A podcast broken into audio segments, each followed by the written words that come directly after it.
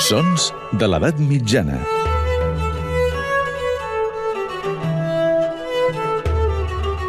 Amb Maria Montes.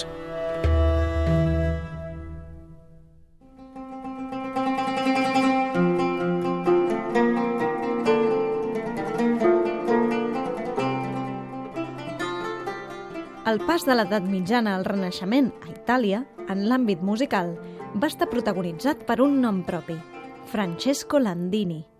Era fill de pintor, un de reconegut i que treballava a l'escola de Giotto, però un atac de verola de ben petit va deixar sec el nostre protagonista. Això, és clar, va impossibilitar que es dediqués a la pintura i es va centrar, doncs, en l'art sonor. Va ser compositor, a més de cantant i intèrpret de diversos instruments com el llaüt i l'orgue. També en construïa i afinava i fins i tot va inventar instruments nous, com l'anomenat sirenam, del qual només en coneixem el nom.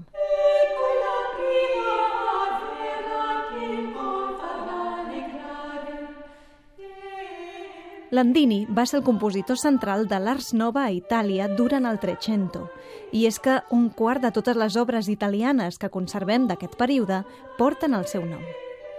Tot i que se sap que va escriure obres sacres, tan sols ha arribat fins a nosaltres producció profana. 140 ballates, alguns virelais, una catxa, alguns motets i uns quants madrigals.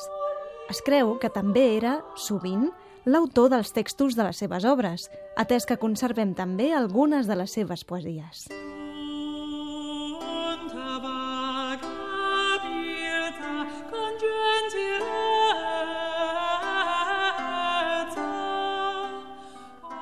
Així doncs, Francesco Landini va ser un home de cultura, mestre en l'àmbit de la música des de diverses facetes, versat en la poesia i interessat en qüestions filosòfiques, ètiques i astrològiques.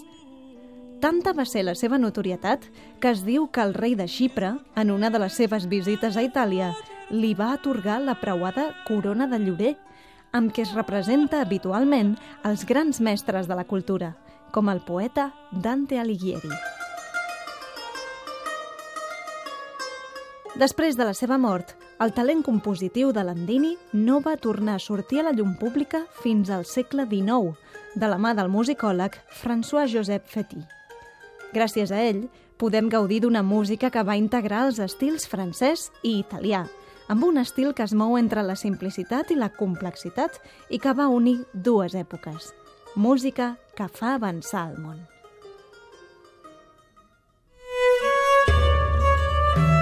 Sons de l'edat mitjana.